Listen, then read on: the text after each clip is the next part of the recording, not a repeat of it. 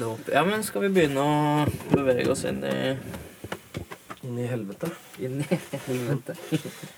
Det er jo fem år med materiale fra VG-lista Topp 20, så det bør jo finnes noe. Men uh, jeg tror ikke um, NRK-arkivet har de på nett enda, de episodene hvor jeg var med. da. Nei, det tror jeg ikke. Jeg tror det er mer sånn eldre ting. Sånn H.C. Andersen-greier og Og så er det jævlig mye av eh, fra liksom de Når de starta med de turneene, liksom, de konsertene. Ja, Rådhusplassen og sånn, eller? Ja, der ja. finnes det helt latterlig mye klipp. Ja. De har vel egentlig utelatt de åra som jeg var med. Sånn enn så lenge. Jeg veit ikke hva grunnen til det er, da. Det kan jo være på godt og vondt, det. I beste sendetid sto det en DJ og scratcha seg gjennom et helt TV-program uke etter uke. Jostein Pedersen, bedre kjent som JP, er denne kjekkasen du alltid så i bakgrunnen på VG-lista Topp 20 sine TV-sendinger. I dag driver han fortsatt med musikk, og i denne episoden skal du få høre om hans reise i musikkverden. Ventetiden, den er over, folkens, for her er endelig fjerde episode av podkasten Én av fem. Dette er én av fem. Én av fem med DJ Konkret. Men vi kan jo begynne på begynnelsen. Uh, og det er for du er Kongsberg-gutt. Det stemmer, det. Stemmer det? Ja. Er det der du har oppveksten også, eller? Ja, sånn delvis. Uh, Jeg flytta til Oslo når jeg var uh, 16. Eh, Så jeg flytta jo sånn relativt tidlig bort fra Kongsberg, da. Ehm, Men fram til fylte 16 så bodde jeg i Kongsberg. Eh, Og begynte jo liksom med musikk og sånn da jeg bodde der, selvfølgelig. Men så bodde jeg ti år i Oslo. Mm. Eh, Så jeg er jo, har jo alltid vært en sånn type som har vært litt dratt mellom eh, Oslo og Kongsberg, da. Nå er det heldigvis ikke sånn veldig lang avstand mellom de stedene. Så jeg driver og Per nå så bor jeg jo i Kongsberg igjen, så um, driver og pendler litt inn når det trengs. Men hvordan var og er musikkmiljøet der? Altså, jeg vet det er jo en jazzfestival og sånn, men eh, var det noe miljø du sokna til der, liksom? Ja, altså det var jo det. Eh, vi, vi, vi hadde jo altså Det er jo ikke noe stort musikkmiljø i Kongsberg innenfor den sjangeren som jeg har operert innunder. Det blir jo å ta i å si, si, si det. Eh, men helt riktig, det er jo jazzfestival der, og, og det er et godt musikkmiljø i den byen, men akkurat innenfor hiphop-sjangeren og, og DJ, eh, turntablism og sånn, som var det jeg syntes var fett, da, der var det relativt eh, dårlige greier, da. Men eh, vi hadde mm, noen, noen av de gamle gutta som eh, holdt på når jeg var eh, liten eh, guttunge, når jeg var sånn rundt 13-14 år, så hadde vi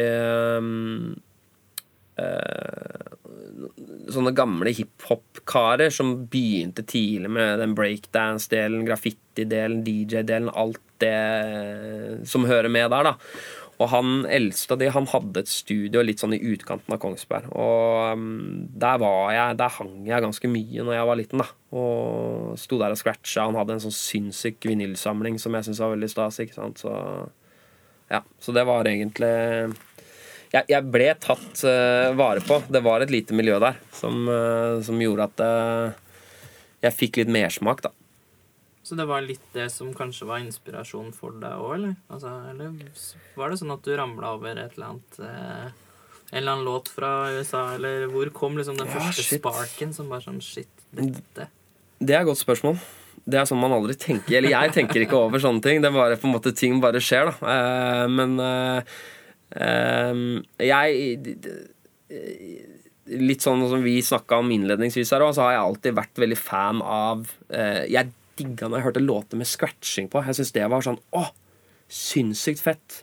Og jeg har en bror som er ti år eldre enn meg, som ikke er noen sånn hiphop-type, men en fyr som har vært veldig glad i musikk, veldig opptatt av det hele tiden. Og, og når jeg var liten guttunge, så pleide jeg å låne Walkmanen hans.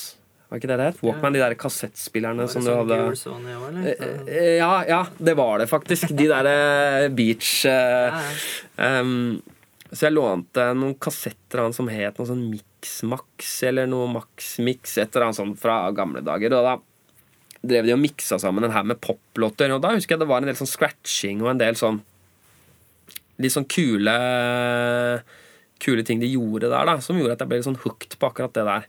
Og så peila jeg meg mer inn på hiphop og rap, da, og syntes at eh, det var veldig fett. da, Og da, da På den tiden så var jo scratching en veldig sånn naturlig del av hiphop-låtene.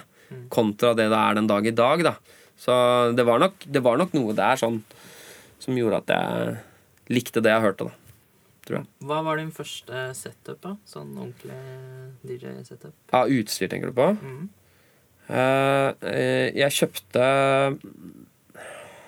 ja, altså den første Definer ordentlig. Eh, fordi jeg ødela noen platespillere opp gjennom eh, oppveksten. Eh, jeg hadde Jeg fikk Jeg arva en platespiller av bestefaren min da jeg var liten guttunge. Sånn gammel beltedreven trær?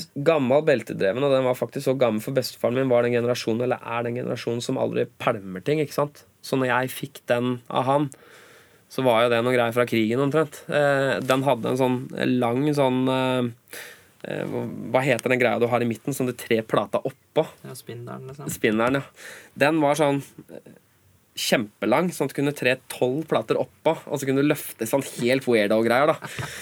Og jeg, vil, jeg likte jo ikke det, da, så jeg ville at eh, jeg ville at den skulle se ut som et ordentlig turntable. da Så jeg tok eh, baufil og skjærte av den der eh, greia for å liksom rigge det til på egen hånd. Og sånn ordentlig jallamekk, vet du. Jeg hadde jo ikke råd til, til eget utstyr på den tida. Men jeg eh, eh, Jeg klarte å pante nok flasker eh, på et tidspunkt hvor jeg kjøpte et brukt setup av en kar fra Kongsberg. Det var Technics 1200. Sølvfarga. Med en sånn Gemini-mikser. To kanaler. Og det var egentlig det som gjorde det, da. Som gjorde at jeg på en måte da begynte jeg liksom Da lærte jeg meg å scratche ordentlig og sånn, da. Mm. Eh, det tok jo litt tid da, for det, på den tida så var det jo liksom ikke Det var ikke YouTube? eh, det var ikke YouTube, og det var liksom eh, Så jeg lånte en sånn VHS-kassett av fingeren, mener jeg. Sånn eh, Ja, da kunne jeg allerede scratche. Eh, men jeg lånte litt VHS-kassetter rundt omkring, egentlig. Så så jeg noen sånne DMC eh, Er det ikke det det heter? De der, eh, ja, Opptak. ja, Syns det var veldig fett, da. Så ja. Liten vei å gå. Liten vei å gå. ja, Ja. men kult. Um, du, du har jo gjort mye forskjellig. Vi skal komme litt inn på det gjennom episoden. Ja. Men Men du har jo spilt mye ute som DJ. Um, Du har gjort mye live-ting, uh, altså både på TV og med rappere. Uh, Du har lagt cuts på låter. Det Du også driver en del med musikk i dag som rapper eller artist. Ja. Men hva er, hva er din personlige favoritt? Hva liker du best? Hvilken rolle trives du best i? Wow. Uh, det er vrient, altså. Ehm. Nei, altså jeg, jeg, jeg er litt usikker på hvordan jeg skal svare på det, for jeg er veldig glad i helheten. Og, og akkurat nå så er jeg veldig ehm, Jeg er jo mer erfaren som DJ enn det jeg er som eh, rapper og artist. Altså, jeg har jo en eh, stått mye med på større scener som DJ. ehm, og kanskje gjort det såpass mye at jeg føler at eh, jeg til tider har vært litt metta på det. Eh, så jeg er jo veldig glad i på en måte nye utfordringer, og, og akkurat per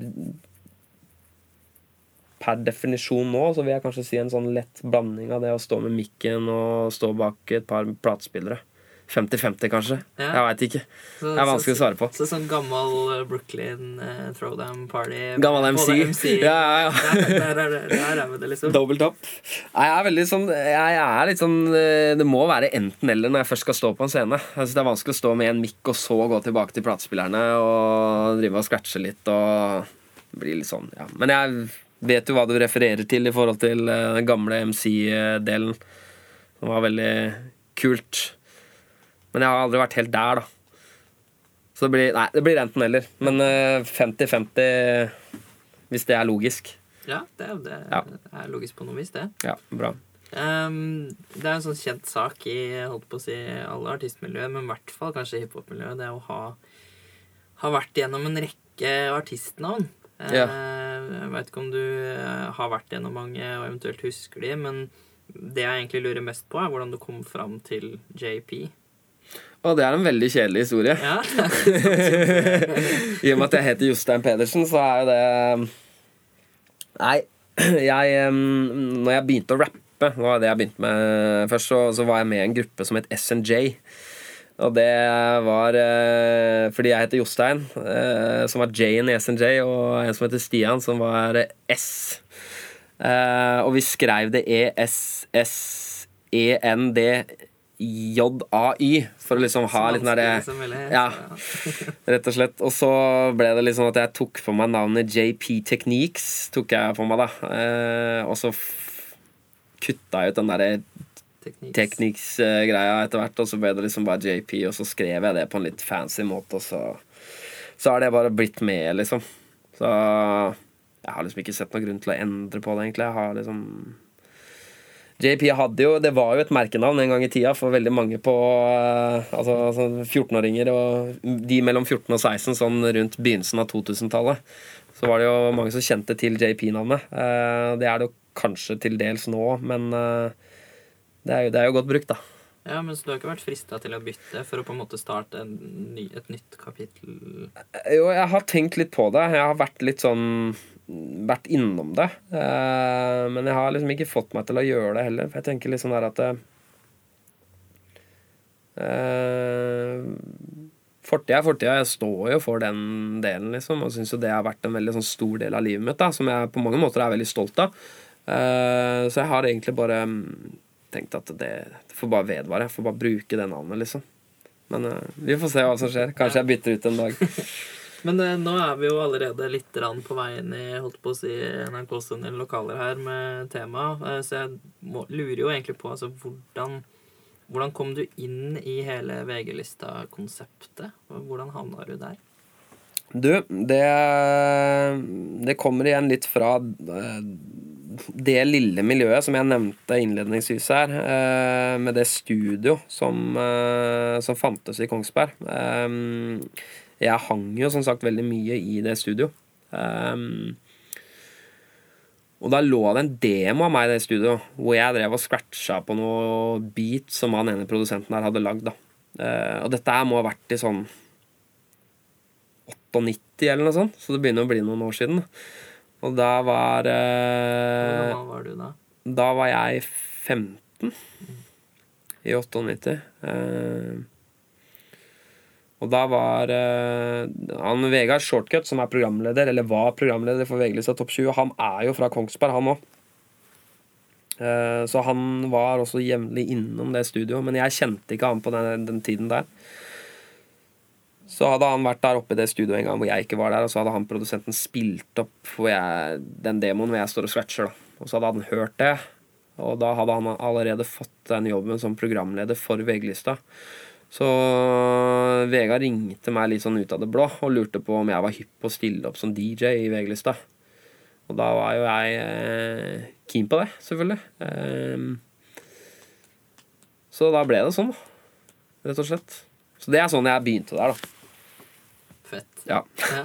Og, det, og der var du i fem år? Ja. Det det? Ja. Fra 1999 til eh, 2004 var det vel. Eh, jeg var der, ja. September 1999 begynte jeg. Dagen etter jeg fylte 16, sto jeg der. Nervøs som et helvete, for det er direktesendt òg, ikke sant. Så aldri noen erfaring med, med, med TV-produksjon eller noe som helst. Så det var, eh, det var spennende. Jeg skulle gjerne likt å sett den første episoden av VG-lista igjen. For det var ikke bare jeg som var nervøs der. da altså. jeg, jeg husker det at det var helt kaos. Helt kaotisk. Og det var jo, det er jo sånne ting som aldri burde vært sendt på TV-en. ikke sant? Men eh, Men åssen var det fra Krinken sin side? og sånn? Altså, var det Fikk du eh, noen spesielle sånn retningslinjer at du kan ikke gjøre sånn, og du må Eller var det bare sånn lag stemning, være i bakgrunnen? Nei, jeg fikk ikke noen retningslinjer. Ehm, Jeg ble egentlig bare kasta inn bak to platespillere, og så rulla kamera. Eh, Men jeg var jo når vi begynte der, så var jo jeg bare ment til å være en kulisse. Altså, jeg skulle bare være en DJ. Jeg hadde ikke noe jeg skulle si, eller noe. Jeg skulle bare spille musikk, men under intervjuene i VG-lista. Uh, så ble det sånn at uh, Så utvikla den rollen min seg litt da, til å bli litt Jeg ble på en måte makkeren til programlederen. da Så det ble en vane med en sånn dialog oss imellom. Ja, for jeg husker det, for jeg så det. Jeg var jo kid eh, på en del Ja, ja, ja. Så jo på det. Ja, ja. ja. Det var uh, Det var mange som så på det. Altså, det gikk jo fra å være et relativt lite program til å bli Eh, et program med veldig mange seere innenfor sin målgruppe. Altså Det var et ungdomsprogram, men eh, på den tida så var jo ikke altså, Jeg vet ikke om YouTube fantes engang, men ikke på lik linje som det er i dag, i hvert fall. Skulle du se musikkvideoer, så måtte du på en måte se på VG-lista. da. Eh, og um, det var jo før Spotify og før du kunne streame musikk på samme måte. Det var vel noen sånn MP3-greier, men det var jo liksom helt i startgropa, det òg. Så det ble jo det ble mange mennesker som satt og så på til slutt, og det, det merka man jo òg, liksom, etter å ha vært der i fem år. Så ble man jo liksom Ting forandra seg litt underveis der. Så, men det er jo kjempekul opplevelse å ha med seg. Åssen ble det da? Ble du liksom sånn type uh, celeber kar ute på gata og gjenkjent og hei og hele pakka, eller? Ja, altså jeg jeg ble jo det innenfor den målgruppa. Mm. Så ble jeg det. Altså innenfor eh, kids på min egen alder, så ble jeg Så ble jeg det. Um, men igjen så er jo jeg en litt mer anonym type enn det programlederen var, for eksempel. Da, ikke sant? Eh, og, så jeg slapp nok mye unna liksom den derre Det verste. Det verste, ja. Det er jeg egentlig litt happy for òg, altså. Men uh, For det var jo noen Crazy. ja, det, det, var mye rart på den tida, og det er klart at det, uh, hvis man på en måte innenfor uh, musikk og på en måte hiphop-miljø og sånn, var jo noe helt annet enn det det var i dag, har jeg inntrykk av. da Nå har jeg aldri vært en sånn veldig sånn stor del av det hiphop-miljøet hvor jeg har kjent veldig mange av de. Men vi hadde jo veldig mange av de folka innom i studio. Altså Vi hadde jo Tommy T, vi hadde Warlocks der, vi hadde vel eh, Jeg husker ikke om Don Martin var innom der, men uh, vi hadde De fleste var innom der. Ja, de flere. Tungtvann var jo innom der, ikke sant? Og det var jo penjakke. Um, og, og, ting var jo veldig annerledes på den tida. Det skulle jo liksom ikke være kommers, liksom. Det var jo liksom ikke greit. Uh, ja, og da lurer jeg på, fikk du noe hate for det, liksom? Altså, nei, fy faen, nå er du sellout som er med på sånt, liksom? Ja, naturligvis gjorde jeg jo det. Nå har jeg, nå er jeg aldri vært så veldig sånn der at jeg har brydd meg så jævlig mye om hva alle andre mener. da. Jeg vet at det er kanskje litt klisjé å si det, eh, men, men hadde jeg vært veldig opptatt av det, så hadde jeg aldri stått på VG-lista. Ehm, jeg syns det var en kul mulighet. Jeg må være dødsærlig på at jeg har alltid digga popmusikk og vært veldig sånn ubunden sjanger. Jeg har vært veldig sånn Hvis det er en fet låt, så er det en fet låt. Ehm, men jeg likte jo hiphop og rap best, og da ble jeg han duden som sto og spilte hiphop-beats i bakgrunnen på VG-lista. Som er et rent popprogram, ikke sant. Uh, og jeg tror altså Vegard òg, på, uh, programlederen hadde jo på en måte en fortid som rapper, selv om veldig mange vil på en måte være uenig i det. Uh, så, så, så, har han jo det. Han ga jo ut en skive i når var det, 96, ikke sant? Som på en måte var mer Altså mer sånn Jeg vet ikke hva man skal si. Er mer på den tiden veldig sånn det, det soundet som han hadde, det skulle man ikke ha. Man skulle ha på en måte det soundet som Warlocks hadde, og, og alt det som kom ut fra TP-leiren. da, ikke sant? Uh, nå, prater, nå, roter jeg meg bort her. Nå glemte jeg poenget mitt, egentlig. Uh, jeg hadde et poeng langt tilbake der, men det forsvant. Så, ja. Men um, som du sa, du spant jo litt hiphop-beats i bakgrunnen og scratcha litt. og Åssen var det, var det beats som uh, holdt på å si var laget til det, eller brukte du bare hva som helst? Eller for jeg tenker, Grunnen til at jeg spør om det, er at i hvert fall i dag er man jævla obs på det. Men det med rettigheter og, ja, ja. og sånt nå, liksom. Godt spørsmål. Eh, nei, altså Det jeg spilte eh, Jeg valgte selv hva jeg ville spille. Jeg hadde ikke noen som sto og sa til meg at det der kan du ikke spille. Jeg kom med platebagen min når vi hadde sending, og jeg hadde et sånt budsjett. Det var jo helt sjukt fett. Jeg hadde et budsjett på 2000 kroner på den tiden i måneden på å kjøpe plater. Oh. Eh, og det var jo helt nydelig. Så jeg var jo sånn stamkunde nede på Stress, nede på grensen. Og da solgte de vinyl der, da. Um, um, så jeg kjøpte hiphop-skiver, tolvtommere, og passa på at det var instrumentale versjoner. Fordi at hvis jeg spilte de vanlige låtene, så ble det det ble litt sånn stress med under med intervjuene og sånn. Ja, Men måtte du da rapportere på noe skjema hva du hadde Ja. spilt, eller det måtte jeg. Jeg fylte, Det var jo den verste delen av jobben, for jeg måtte fylle ut sånne skjemaer etter hver sending på hva jeg hadde drevet og spilt. Men det var litt sånn jeg, På den tiden så tok jeg ikke det sånn kjempeseriøst, så det var nok litt sånn Det blir liksom ikke helt greie Ja, det blir liksom ikke helt greie på. Nå er det vel noen sånne sendere som fanger opp hva du spiller, tror jeg, på krinken. Og så eh, rapporteres det automatisk, har jeg hørt, da, at det er sånn nå. Så ja, Litt det begynner å bli bra, de systemene der. ja.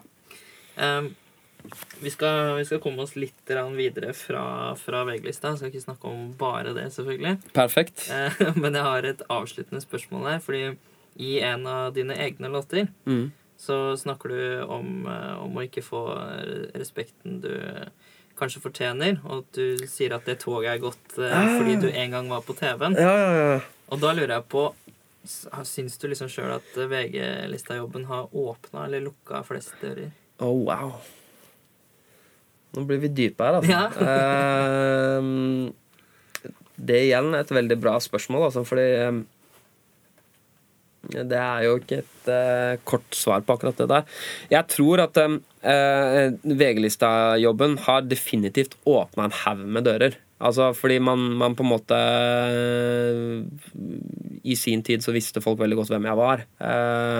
Som gjorde at jeg fikk jo med meg veldig mye Altså Jeg ga ut en mixtape i 2003 som het Northside Ballers, hvor vi hadde med Hvor jeg fikk med meg Madcon, jeg fikk med finsk rapper som het Red Drama.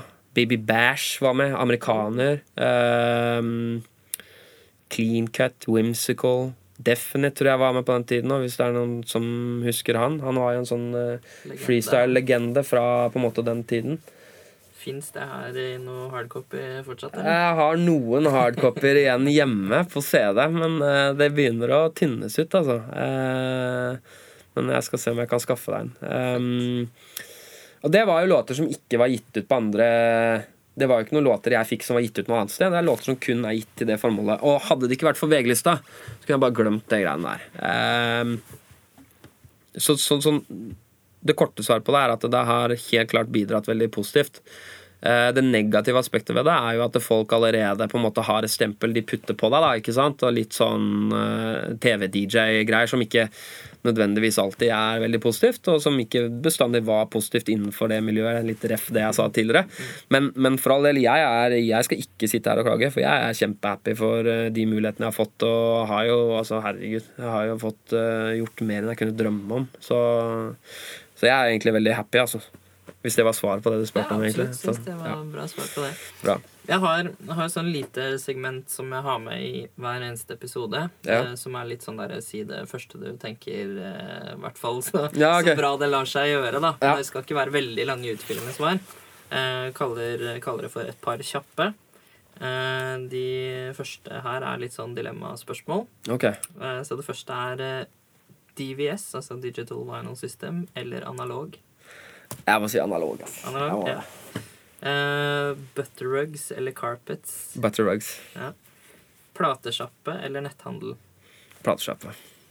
Eh, har du en favorittnål? Ja, jeg er veldig glad i ortofon, men uh, vært innom Sure og Nei, ortofon eh, Nei, jeg klarer ikke å gi deg noe konkret der. Nei, men det er ortofon. sånn Concorde-typen. Liksom. Ja, Concorde-typen, ja. Eh, favorittmikser. Åh, Og det må ikke være nyeste, kuleste fordi den er bra, men den kan ha en nostalgisk verdi. Liksom. Ja, nei, men jeg tror helt seriøst at det må være en av de nye. Fordi at det har kommet så mye Altså de nye crossfaderne på de nye mikserne, S9-en f.eks. Mm, har den selv, så. Jeg er så fornøyd med den, altså. Eh, så det må være S9-en. Ja. Jeg har ikke prøvd den siste Rain-mikseren, da. Den har jeg også hørt skal være veldig bra, men uh, Nei, det blir Pioner S9. Pioner S9. Ja. Og helt til slutt, da, favorittplatespiller? Ah, shit, altså.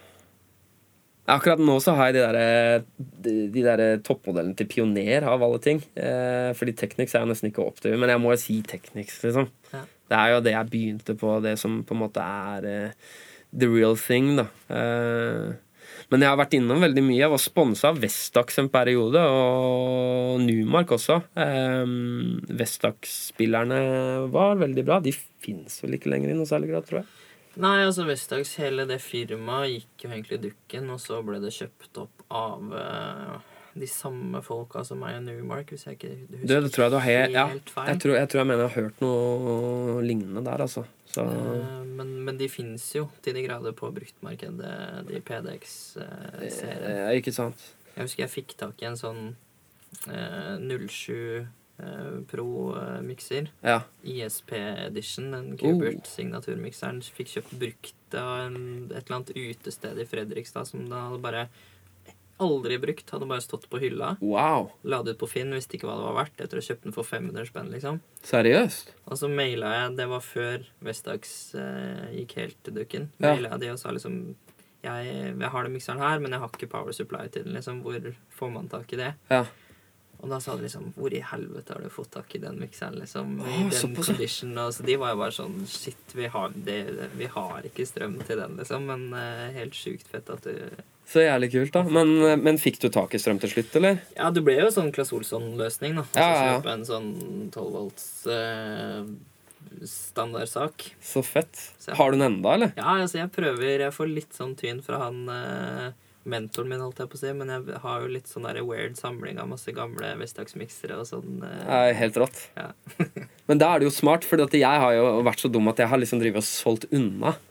Og så er det jo sånn at når man kommer eh, eh, litt opp i åra Jeg er fortsatt ung, føler jeg sjøl, men når det kommer liksom litt opp i åra, så begynner man liksom å savne litt de der gode gamle. Jeg hadde jo flere sånne Vestax-miksere, jeg også.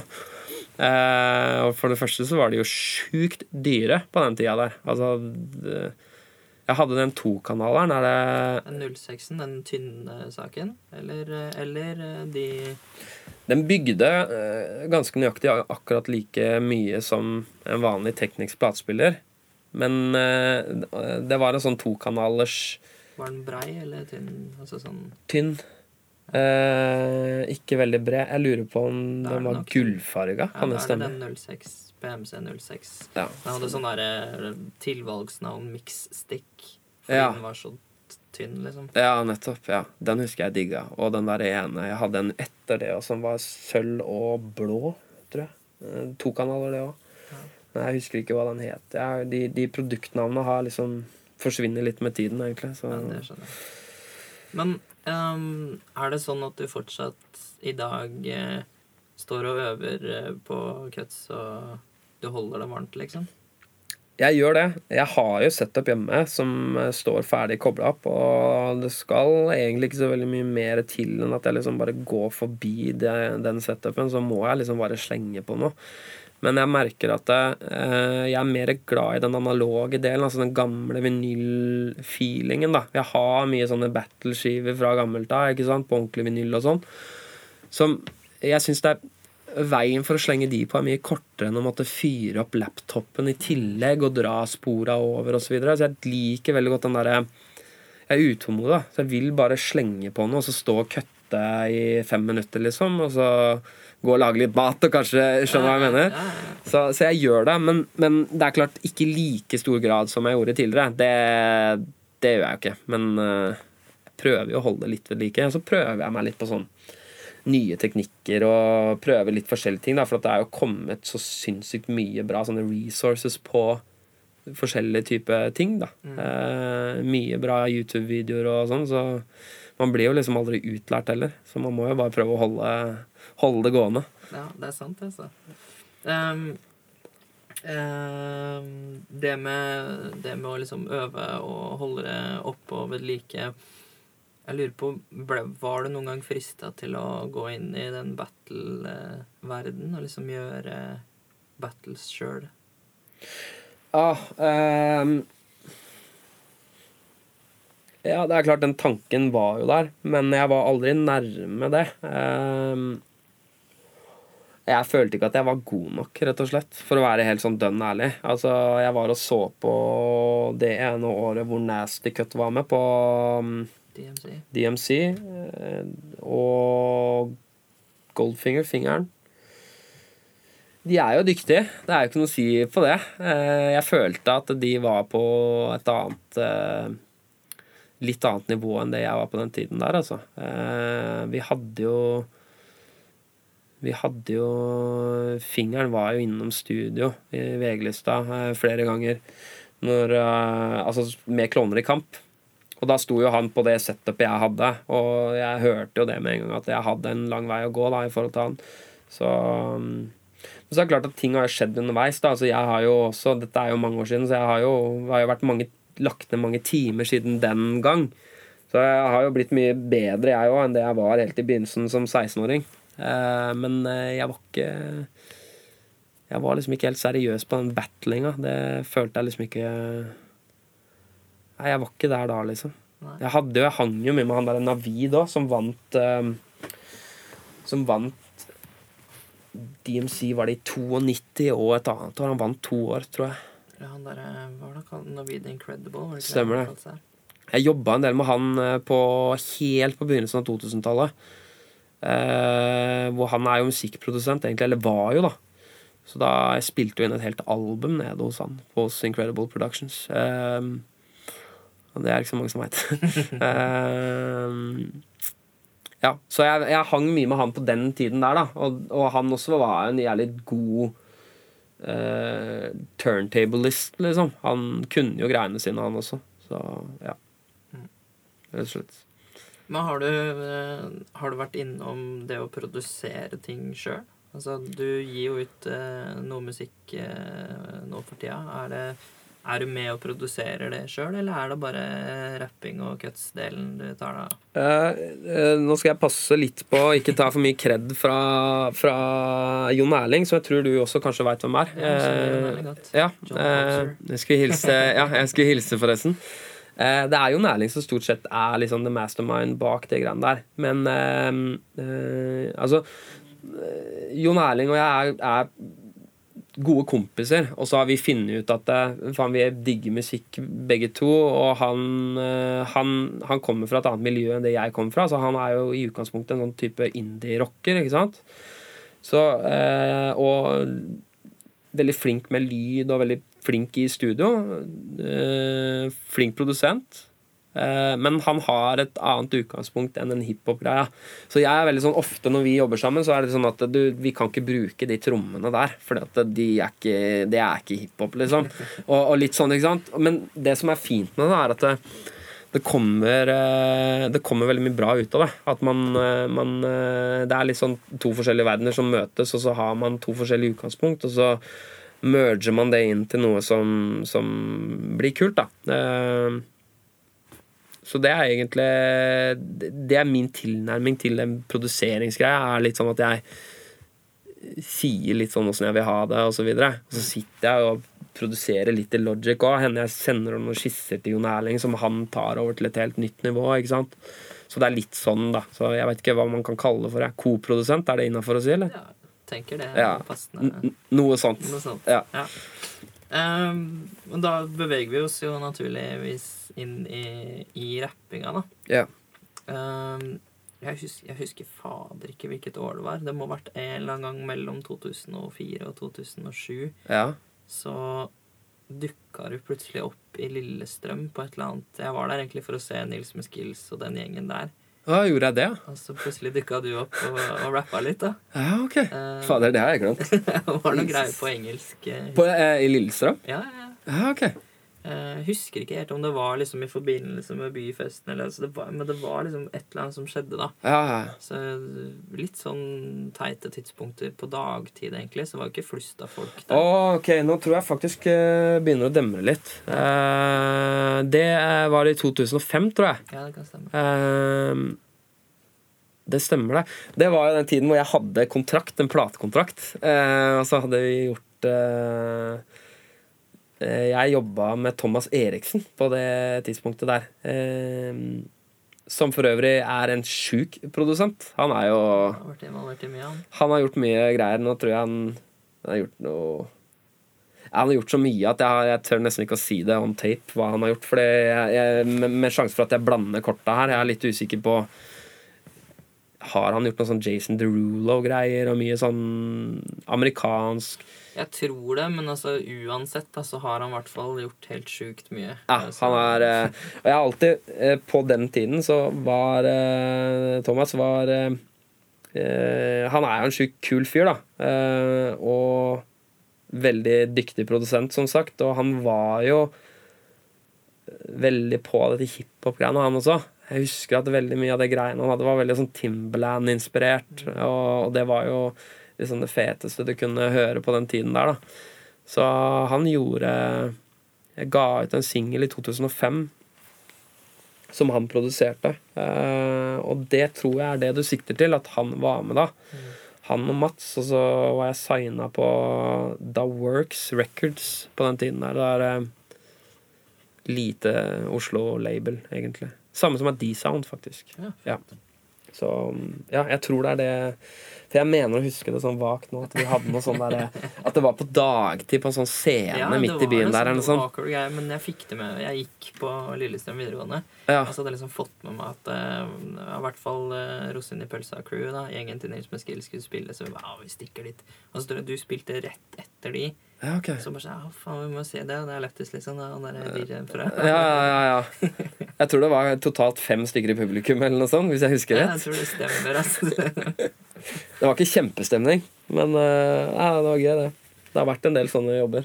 Sånne kjøpesenterjobber og sånn. Det er kleint. helt jævlig, ikke sant.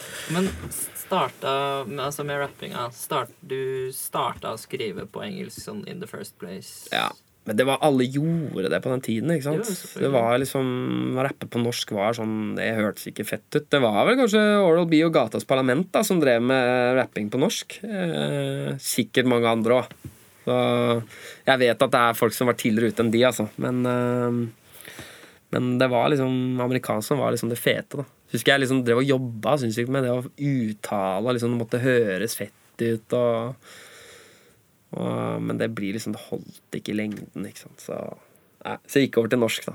Ja, når skjedde det skiftet, hvis du husker?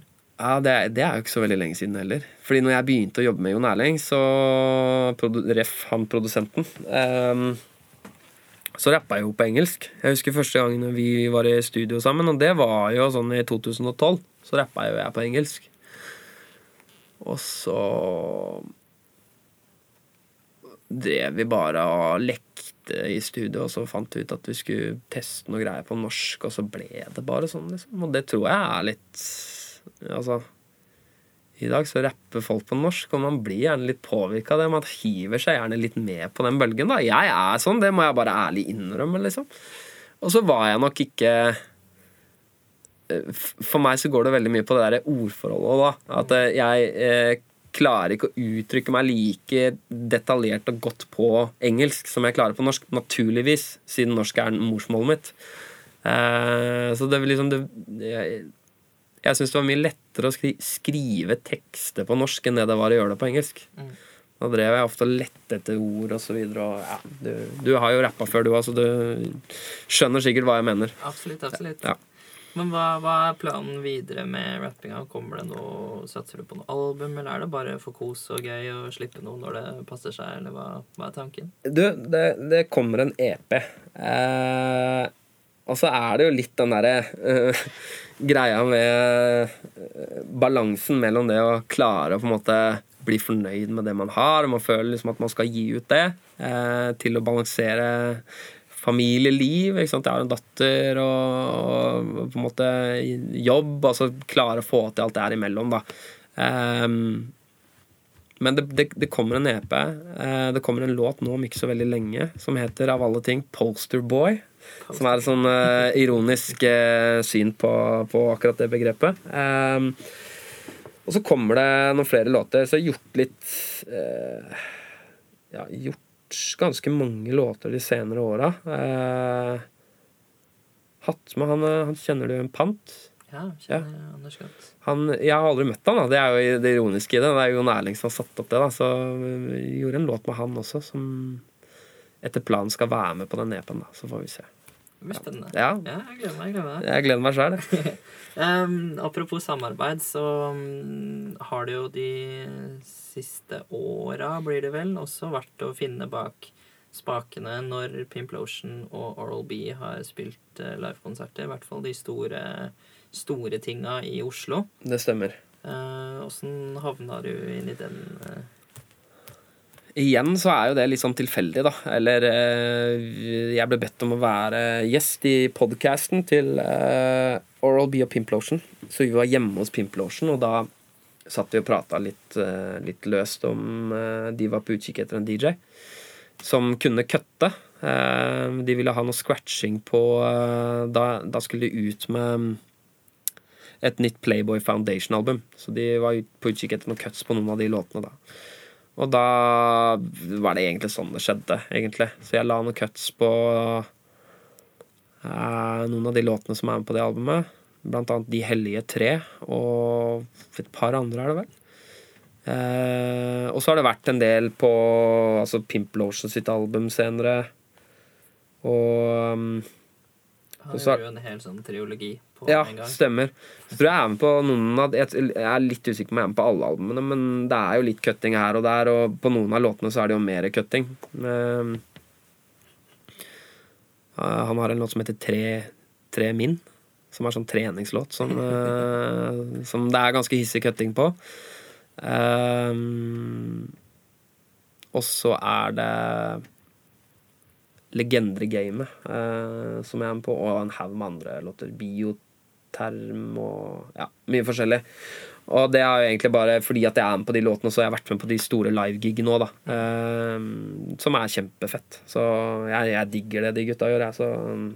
ja, skjæra til, til de gutta der. Lotionas Meste er en utrolig bra podkast og bra fyrer. Også. Ja, absolutt. De er jo jordnære, hyggelige fyrer som veit hva de driver med, og de gjør bra ting, da. De gjør bra greier, liksom. Og så er jeg Jeg er veldig sånn fan av eh, det å klare å snu skipet, eh, hvis du skjønner hva jeg mener. Ja. Altså, de har jo, altså, litt sånn ref det vi snakka om tidligere i dag også, så er jo de også et eh, godt eksempel på, på, det å stå i stormen da, når det stormer som verst. For dette, han var, vi, jeg husker vi hadde jo Oral B og Pimp Lotion som gjester på NRK også, når jeg jobba der. Og det var jo liksom den tiden hvor på en måte alt skulle være kredibelt. Og, og vi fikk jo da, Det var jo før på en måte Før man uh, drev og sendte ting via nett. Så vi fikk jo sånne trusler til Oral B på fax og sånn ikke sant, når vi hadde han i, i studio. Og han stilte opp med fuck tungtvann-T-skjorte og, og ga fullstendig faen, så det var jo liksom et skjellsord på den tida, men uh, har alltid stått ved det de har gjort, og fortsatt samme greia, liksom. Og dro over Atlanteren og begynte å produsere banging hits for liksom mange andre større navn, og fikk respekt for det der. Så de har jo bare jobba målretta mot det de holder på med. Så er det noen som fortjener den suksessen som de har i dag, så er det, så er det de. altså. Absolutt. Word. Ja. De yes. som uh en, hva skal jeg si, en oppfordring til de som ikke har, uh, har skjønt det ennå. Men det, de er rå fyrer. Ja. Jeg var hater i mange år, jeg, så jeg ja, det var det, ja. kan være ærlig på det. Men okay. jeg har snudd, snudd på den. Men er ikke det litt sånn som kommer med alder òg? Eller at man eh, som på en måte eh, Ja, du nevnte i stad at du på, gikk på videregående da når, når, jeg spilte i Lillestrøm. Og da, sant, den perioden der så er man jo gjerne litt sånn det er fett. Det er skikkelig ikke fett. Det hater jeg. Men Ja, det digger jeg. Vi var voldsomme haters på det som ikke var innafor. Ikke sant? Ja. Ja. Og så blir man litt sånn eldre, og så begynner man å bli litt mer jeg vet ikke, litt mer sånn altetende, kanskje. Så, Ja, eller begynner å forstå at man ikke må liksom ha kjøreregler bare for å ha kjøreregler. Altså, Det ble jo litt mer sånn vi skal være ekte fordi ekte er ekte. Og det ikke sant? og sånn, hva, hva faen, liksom? ja, ja. Helt riktig. Helt riktig.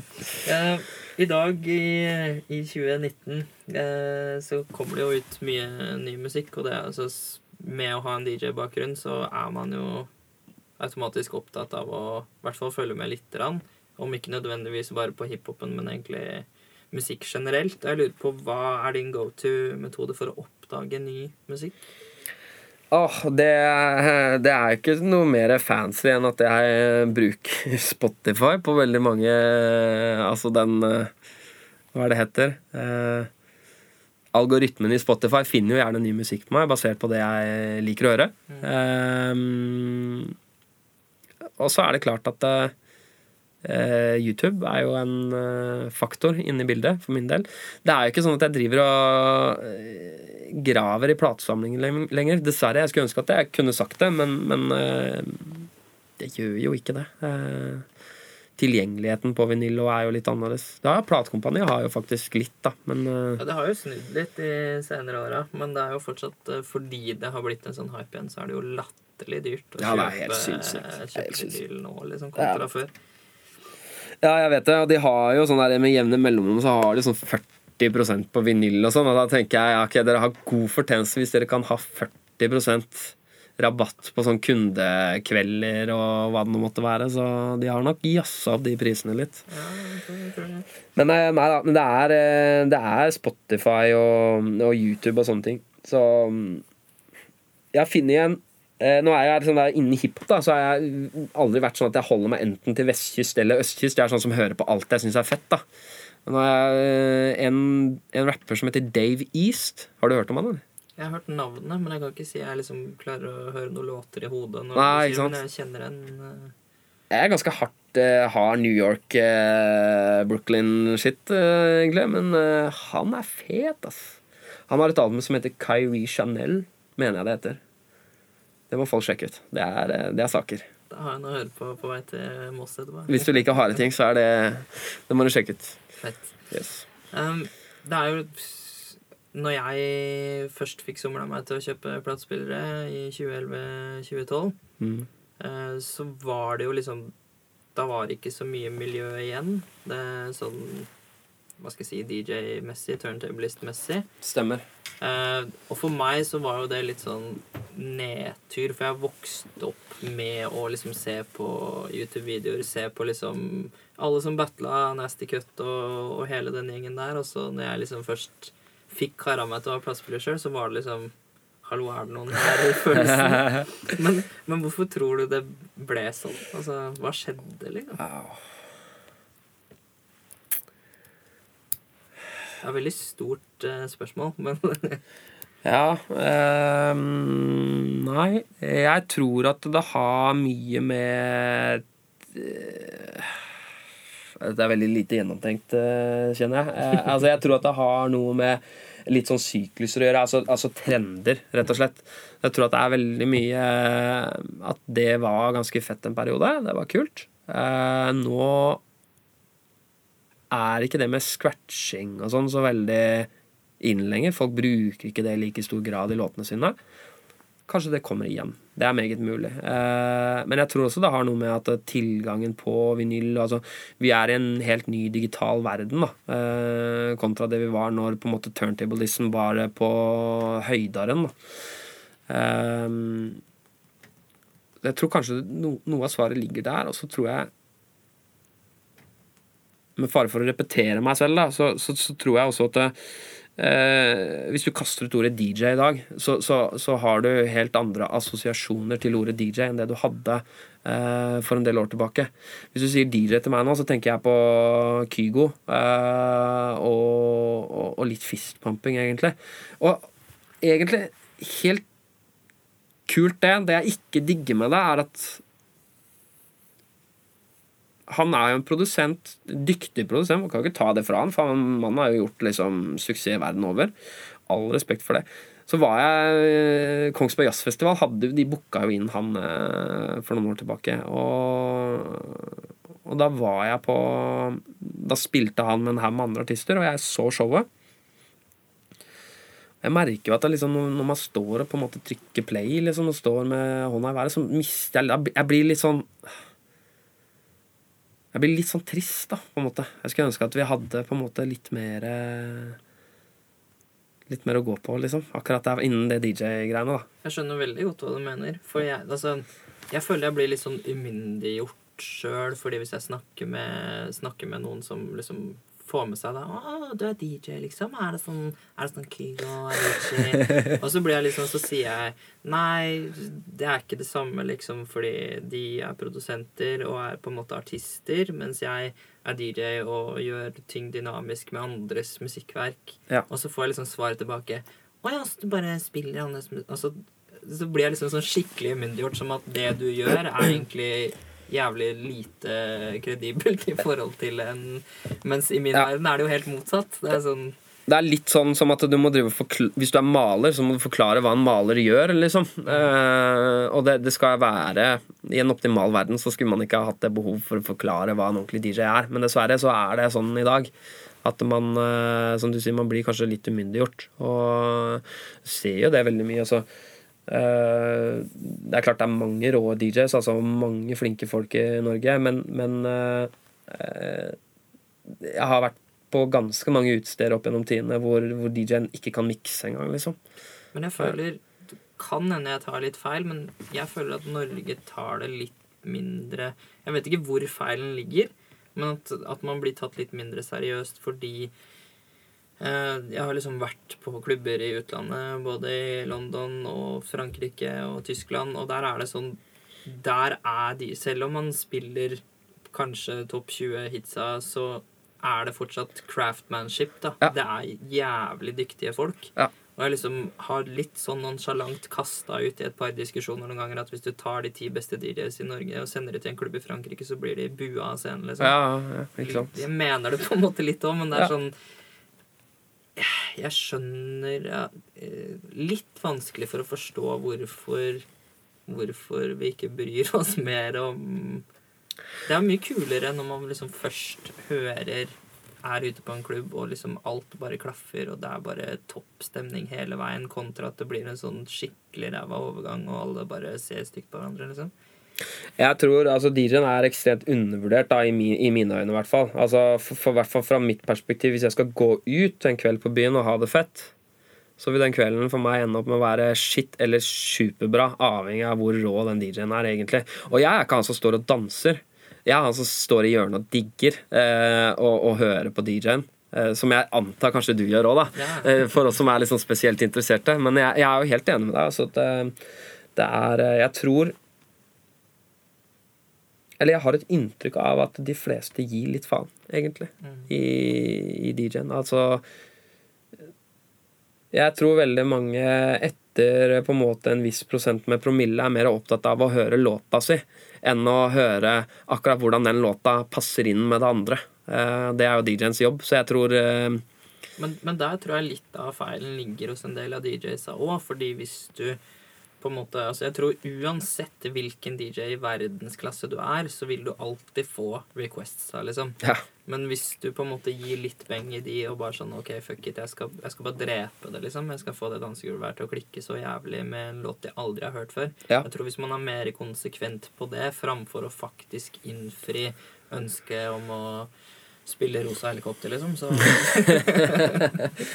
Ja, nå skal det sies at jeg aldri har spilt rosa helikopter noen gang. Uh, uh, og jeg, jeg er også helt enig med deg der. Uh, jeg, eh, jeg hater jo det, å få requests. Eh, jeg føler at det er en sånn greie som er snakka altfor lite om. Fordi folk på byen tror at det er helt innafor å gå og spørre DJ-en om låta si. Og egentlig for de som er seriøse DJ, så er det kanskje noe av det verste du kan gjøre. da det er helt kult å komme opp til DJ-en og si at fy faen, det her er rått. ass. Du kan greiene dine, liksom. Det er jo det man vil høre. Man vil ikke komme opp og høre ha en ønskelåt, liksom. Jeg, jeg, hadde, jeg hadde den verste slash beste slash morsomste opplevelsen med det i i eh, Volda, oppi der jeg studerer. Jeg spiller litt innimellom på en sånn lokal eh, pub der. Det er ikke noe klubb eller utested, men de pleier å ha DJs i, i helgene. Mm. Og da var det en dame, en eldre dame, liksom. En lokal eldre dame som kom bort og skulle ha en låt. Og, og det passa absolutt ikke inn i stilen jeg spilte den kvelden, så jeg på en måte ga litt uttrykk for det at det, det passer ikke inn, men uh, kult at du ønsker deg altså, Ja, ja, jeg skjønner. Sånn, liksom. Er det tøffelig nei, eller? Ja, ja, også, men hun ga seg ikke da hun kom tilbake mange ganger. Og Ja. så, så sa jeg til henne Prøvde å Begynte å bli litt irritert, men jeg liksom sa på en delvis hyggelig måte at hvis du ikke digger musikken, så altså, du må på en måte ikke være her. Nei. Eh, det er masse andre folk som koser seg og danser, liksom. Og da ble jeg sjokka, fordi svaret jeg fikk tilbake, var Nei, det er ikke så det fungerer. Nei. Fordi hun mente oppriktig at jeg var hennes jukebox. Og Ja. hvis jeg ikke spilte det hun ønska, så feila jeg som en DJ og var ræva. Det, eh, det er ganske interessant, det der. Fordi det der også tror jeg er til en viss grad en sånn generasjonsgreie. Fordi hun var litt eldre, hun du nevnte nå. ikke sant? Jeg har samme opplevelse med veldig spesielt sånn type sånn julebordsesonggreier, som, som er et helvete. Man skulle ha dobbelt betalt for å drive og spille under julebordsesongen.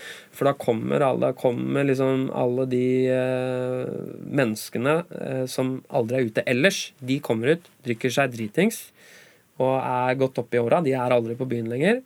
Og har en eh, helt ufyselig oppførsel, egentlig. Jeg har hatt mange sånne runder med, med eldre sånn type forretningsmenn i sånn 50-60-åra liksom, som kommer og ender opp med å stå og vifte med fingeren fordi jeg ikke spiller Roxanna, ikke sant? Eh, sånne type ting, da. Eh, og de, de vil ikke høre, rett og slett. Sånn er det bare. Så det er nok også litt sånn Vi snakka vel om det litt sånn før vi satt på båndopptakeren òg, at uh, de, akkurat de aspektene med DJ-yrket er ikke noe jeg savner, da, eller higer etter. Så at det er mye mer uh, Det jeg egentlig gjør i dag, er de giggene med Playboy Foundation, liksom. For at da slipper jeg å få de der folka som står og skal ha de requestene. Og så får jeg lov til å vise meg fram på det jeg er god på, liksom. Uh, så Men det er et eh, Hva skal jeg si? Det er kanskje ikke et dilemma, men eh, det er en veldig sånn ufin greie, akkurat det der, der med, med DJ-yrket. Altså, sånn at man um, får veldig mange mennesker opp som, som åpenbart ikke mener noe vondt med det, men det er bare Man har liksom ikke snakka om det. At det er egentlig ikke greit at man går opp til en seriøs DJ og spør om ønskelåter. Mener jeg, da. Ja, ja. Eh, Jeg, jeg har liksom litt sånn på kødd vurdert, for jeg har en sånn derre Bare for å Jeg skaffa meg det når det kom ut, bare for å ha det. Tilfelle merge og whatever. Men jeg har en sånn derre iSettle, som er sånn eh, Holdt på å si bærbar betalingsautomat, liksom. ja, ja, ja. Jeg har så mange ganger vurdert om jeg bare skal ta med den. Liksom legge den foran dette. Sånn request, OK, pay your amount, liksom. Så En hundrings for ønskelåta di, liksom? ja. Ja, men det kunne jo blitt business av sånt, da. ja, men da hadde man igjen endt opp med å bli en jukebox, da. Det er nettopp det. Det er nettopp det. Og det vil vi ikke. Nei.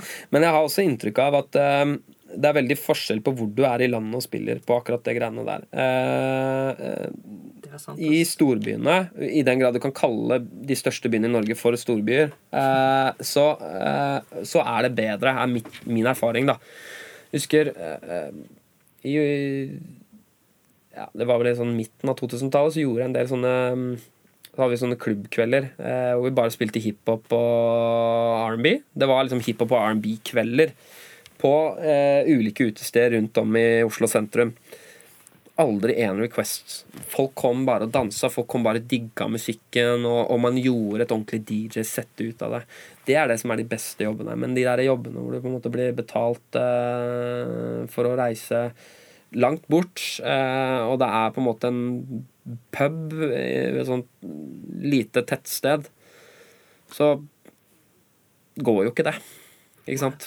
For det første hører jo ikke folk på hiphop engang, liksom, der. Så ja, det er dilemma. Jeg Ja. vet ikke. Nei, jeg har, har lyst til å kaste inn en shout-out der til Bodø, fordi Bodø er det stedet i Norge, føler jeg, i hvert fall fra min egen spilleerfaring, at de har så voldsomt respekt for DJs og digger hiphop der ute. Jeg har spilt det 2016, var det vel, så hadde jeg liksom tre-fire gigs i løpet av to måneder i Bodø. Det Kult. var jævlig fett, da. Så Bodø er eh, Utested i Bodø sentrum, eller? Ja, generelt. Det var på et sted som heter Dama di, som vel Jodski er medeier i, tror jeg. Ja, ok. Eh, Men der er det sånn alle folka som kommer der, de kjefter på deg hvis du ikke spiller real nok hiphop, liksom. Ja, Så det er jo okay. Fortsatt en dag i dag, liksom? Ja, ja, ja. Ok. Så det, Hva er real hiphop i dag, da? Det lurer jeg på, altså. Ja, nei, det var jo et eh, Det er en lengre diskusjon. Ja. Men, men i hvert fall Bodø er ekstremt år. Så, Så kult. jeg er fan av Bodø. Hvis dere hører på, bok meg opp igjen. Ja, fett. altså. Fett. Det er kult. DJ-kulturen, selv om den ikke er så levende i Norge, er jo alltid i utvikling. Ting skjer voldsomt fort. Eh, nå i mars eh, kommer vel Face, hvis du har fått med deg nyheten om det, som er en eh, Ser nesten ut som en sånn USB-pinne som du legger oppå spinneren og på plata, og så har du perfekt kontrollsignal i, i Serato. Den skulle jo vært på markedet for lenge siden. Den har jo vært Den skulle jo egentlig komme i september 2018, mener jeg å huske. Eh, Jeg var jo helt eh, desperat etter å få tak i akkurat den der før en av de giggene til Oral B og Pimplotion. Mm. Grunnen til det er jo at det er jo egentlig risikosport å drive og spille med vinyl på så store venues. Ja, og i hvert fall hvis folk altså Bassresonans og sånn er én ting, men hvis det er på scenen og folk hopper, og det er skummelt med needles og Ja, det er uh, sistnevnte jeg egentlig sikter til. Fordi at eh, det er De tar folk opp på scenen, og lotion uh, Lotion, Spenolflasker som blir trykka på, og eh, det er eh, Og selvfølgelig bass uh, bassdelen av det òg er jo noe dritt. Eh, jeg har hatt eh, nå på Rockefeller sist nå, så hadde jeg jo Da hadde det samla seg for mye støv opp på stiften. mm, Så han sto og vobla, liksom. Er- Midt under en av låtene. Og det er jo sånn Det er jo ikke kult, liksom. Du må jo breake låta, stoppe låta og bare gå på neste. Ikke sant? Så det er jo ja. Ja, for jeg har en litt sånn evig diskusjon med min mentor om det, for han er veldig Veldig true til eh, Vinyldelen. til vinyldelen.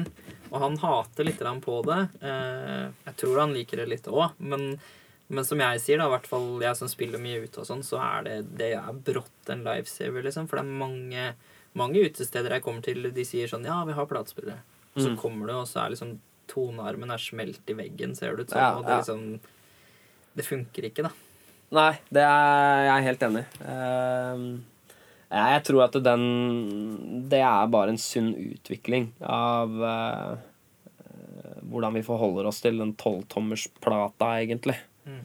Ehm, og du eliminerer jo en del sånne fallgruver med å gjøre det. Men det er klart, jeg er jo, jeg er jo til dels enig med han mentoren din nå, da. Som, det er liksom én side av meg som sier at jeg er helt enig med han. Samtidig så er det en ny side av meg som sier at ok, faen, du Sånn Ting utvikler seg jo. Ting blir jo nytt. Eller vi går en vei hele veien med, med alt. Og Men jeg tenker jo litt sånn at alt har sitt bruksområde òg. Altså sånn som Face er helt sinnssykt ypperlig for livegigs.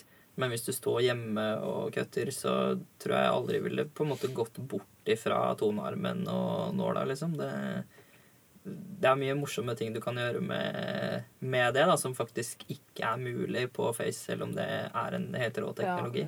Ja. ja da, du har eh, rett i det. Um, jeg er jo litt sånn Akkurat nå så er jeg litt sånn Det tror jeg kommer av litt dårlige erfaringer med nåla på noen av de live-gigene.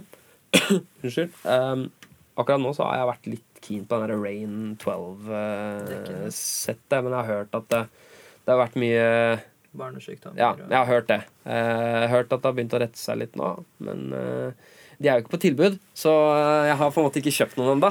Nei, de er jo svindyre. Altså, jeg, jeg har jo forhåndsbestilt Face. Du har det, ja? Så jeg får det jo på første shipmenten som kommer forhåpentligvis i mars. Det spørs Nice. om det blir utsatt mer. Men Så for meg så tror jeg det blir løsninga. Det er mye lettere å ta med seg på en gig. Bare Mac Ja, og de kontra en svær, to svære jævla Rain eh, Det er, 12. ja, det er veldig sant, altså. Men du er igjen avhengig av at uh, stedet har en platespiller, da? Eller Ja, de det har- er hvis jeg skal bruke Det er jo Ja. sant. Men det er det jo mange som har, da. I verste fall. Altså CDJs er ikke Mange kan si Vil i hvert fall kanskje mentoren min sagt, men mange vil si at det er ikke real, det heller. Men eh, man, det, altså, det funker, det, liksom. Det, Ja. ja da. Ja, men kan du legge Du kan ikke bruke den Nei, ikke På de? Nei, nei, Nei, nei, det kan du ikke, ikke sant? Kan bruke de som kontroller, Ja, liksom. Ja. Ikke sant? Ja. Så det funker, det. Ja. Men har du fått med deg eh, Altså, igjen, Norge er jo litt ute av drillen, men i hvert fall i England er det kjempesvært, og veldig mange andre steder eh, i verden nå, så er liksom portablism Det er liksom det nye, ja, ja. nye store, da. Ja da. Jeg, jeg, jeg har jo fulgt med på det, i og med at jeg er jo interessert i DJ-yrket, for å kalle det det. Eller, eller det segmentet. Så jeg har jo sett at altså, det dykker opp på Instagram og overalt hele tiden. Eh, jeg har ikke testa det i noen sånn særlig grad sjæl, men eh, jeg er bare sånn skeptisk til crossfader-delen av det. For der er det, har jeg inntrykk av at det er egentlig sånn switch on, switch off eh, på akkurat det der. Mm. Du har sikkert testa det. Ja da, jeg har to, jeg har jo to sånne. Du har to sånne? Ja. Men det som Ja, altså Originalt så er det jo den scratch-switchen, som de kaller det. Ja. Som i hvert fall jeg for min del syns var helt forferdelig å bruke. Men det som er kult med portablist-miljøet, og som har gjort at det i hvert fall har blitt så stort i andre land, er jo muligheten til å drive og modifisere det og liksom oppgradere tonearmen. Og nå fins det Jeg tror det fins ja, nærmere ti ulike forskjellige crossfadere som du egentlig bare kan poppe rett inn i det hullet hvor den lille switchen er. Så har du en crossfader istedenfor. Ja, for det har jeg sjekka litt ut, at du kan koble på sånne eksterne som du kan bestille på eBay. Sånne... Ja, du kan koble på eksterne, men også det finnes en del nå som gjør at det på en måte blir intern, da. Som er Ah, liksom akkurat den spotten der det er. Ok, nice, nice. Så det, det er jo billig Eller spørs jo hvor mye du modifiserer med tanke på billig, men eh, den spilleren, ny i butikken, er jo bare rett over tusenlappen, så det er ikke Er det en sånn Numark-spiller du sikter til da, eller? Ja. Ja. Newark PT01 Scratch heter den. Ja. Ja, jeg må jo sjekke ut det. Jeg er jo nødt til det. Jeg vet jo at det har jo vært vært populært en eh, god stund nå, så jeg har liksom ikke somla meg til det. Men eh, ja. Nei, jeg må sjekke det ut. Ja, anbefales. Yes. Ehm, vi nærmer oss eh, slutten av, eh, av samtalen. Da har jeg to litt, litt sånne standardspørsmål på slutten. Eh, og det første er om du har en all time favoritt eh, norsk DJ. Oh, wow. Holy shit. Må ikke være én. Det er flere som har sagt flere navn. Liksom. Ja. Eh, Nei Nå er det sikkert sånn at jeg går ut av det studioet her, og så tenker jeg at Og fader at jeg ikke nevnte han, ikke sant? Eh, sånn er det jo alltid. Men eh, Nei, altså det er jo definert DJ-delen òg av det, liksom. jeg Altså, tenker ja, egentlig på turntablist-delen ja, av det. den norske Nei, altså tidligere gjesten din, White Shadow, har jo alltid trona godt oppå lista der. Altså, han er jo sinnssyk på cuttinga si. Um, men det er mange flinke. Navid var jo rå i sin tid. Uh, Nastycket var jo sjuk. Han var jo altså Han var jo 13-14 år gammel når han deltok i sitt første mesterskap her i Norge. Og, og jeg husker jo at jeg hørte en del av det undergrunnsgreiene som han la cuts på på den tiden. Blant annet en sånn gammel Definite-låt som aldri ble gitt ut. Hvor han cutter ja, Det er helt sjukt. Han er helt sinnssyk.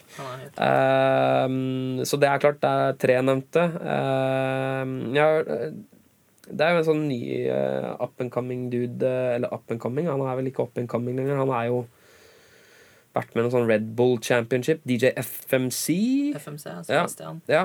Eh, sjekka en del av de greiene han eh, har. Syns det høres fett ut. Eh, nei, jeg vet da faen. Det er mange flinke folk. Du er jo dyktig. Eh, Du har en fin, fin liste der, da, med i hvert fall de tre første du nevner, så dekker, dekker du jo tre epoker også. Så det, er- ja da, det er jo, han er jo new school, han FMC-karen. Jeg vet ikke hvor gammel han er. Jeg. han er akkurat litt eldre. Altså, jeg er 30, jeg tror han er 32 eller 3. Ok, faen, jeg trodde han var yngre. Jeg trodde han var yngre. Nei, han ser jævla ung ut. Ja, ja, ja. Ja, nettopp. Nei, da er han ikke så Da er han jo på en måte Ja, da er han jo vår generasjon, på en måte, da. Um, Goldfinger òg er jo flink fyr, liksom. Nå er jo han gått litt over på andre ting, naturligvis. Altså mer sånn skuespillerting og, og sånn. Men jeg var jo Jeg har noen kompiser som er sånn blodfan av Klovner i kamp. da eh, Så jeg har vært på de to siste Sentrum Scene-gigene de har vært, og han er stødig i fingeren altså, på tingene han gjør. Han gjør det som det skulle vært på skiva, liksom. Ja. Så han er eh, dyktig, han òg. Så ja. Mange flinke folk. Det er sikkert mange jeg har glemt, men eh, det var det jeg kom på nå. Ja, fin liste. Fin liste. Bra. Uh, jeg tror vi er i veis ende. Jeg Perfekt. er i hvert fall gjennom arket, arket mitt. Eh, jeg vet ikke om du har noe du brenner inne med på slutten som du liksom føler at det må være sagt til den eh, fantastiske lytter. Nei, jeg gjør egentlig ikke det. Altså, egentlig så er det jo bare for folk å følge med på litt på Spotify. Det kommer litt musikk der etter hvert, da. Um, Fortsatt under navnet JP. eh, fortsatt under navnet J-A-Y-P-E-A. Det er ikke alle som har fått med seg at det skrives sånn, da. Så, så ellers så var det veldig koselig å være her, da. Og prate litt om gode gamle dager. Det er jo Det alltid stas, det. det må til, det. Ja, ja, ja. Ja, men Så bra. Da takker jeg for praten. Og så Så er det bare å glede seg til neste episode, folkens. Eh, til den tid, sjekk ut eh, JP på Spotify og eh, have fun.